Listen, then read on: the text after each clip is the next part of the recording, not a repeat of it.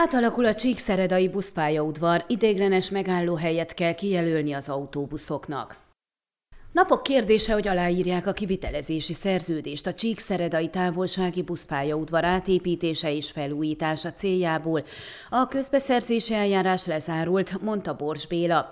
Csíkszered alpolgármestere szerint, miután ez megtörténik és a kiválasztott céggel egyeztetnek az ütemezésről, átadják a terepet nekik, hogy minél előbb elkezdjék a munkát. Addig viszont még van egy fontos feladat. Ki kell jelölni egy ideiglenes megállóhelyet, ahol a helyközi és megyeközi buszjáratok fel tudják venni az utasokat, illetve biztosítani tudják a leszállásukat. Ha ugyanis a munkálatok megkezdődnek, várhatóan nem lesz lehetőség arra, hogy a buszpálya udvaról folytatódjon a mostani tevékenység. Az alpolgármester elmondta, néhány helyszínt kinéztek, de még nincs döntés arról, hol lesz az ideiglenes állomás, amely inkább megállóhelynek számít majd az autóbuszok hosszabb ideig történő parkolására, ahogy ez most történik a pályaudvaron, nem lesz lehetőség. Ezért ezt a busztársaságoknak kell megoldani. Borcs Béla szerint naponta 20-25 buszjárat fordul meg a távolsági állomáson, beleértve a megyeközieket is. Számukra kell megfelelő helyet kijelölni úgy, hogy a közúti forgalmat ne befolyásolják számottevően,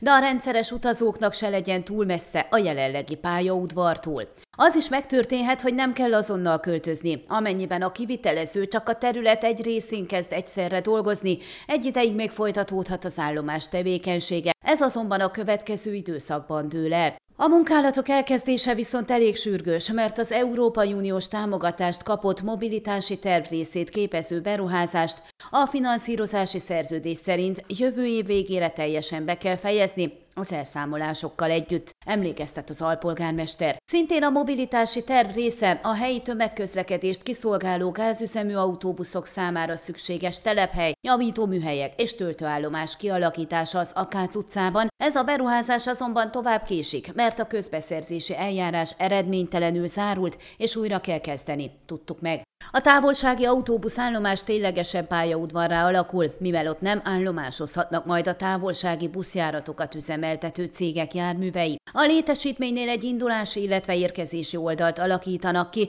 ahol a buszok felveszik, leteszik az utasokat. A terv szerint két részre oszlik majd a pályaudvar területe, az egyik a városi buszjáratok számára lesz fenntartva, a másik részen a távolsági autóbuszok a Brassói útról térhetnek be a kijelölt beállóhelyekre, ahol az utasok leszállnak, kissé távolabb az indulási oldalon pedig az utasfelvétel történik. A nemzetközi buszjáratok járművei számára külön helyet biztosítanak, lesz egy tranzitzóna, ahová a városon csak áthaladó távolsági buszok állhatnak be.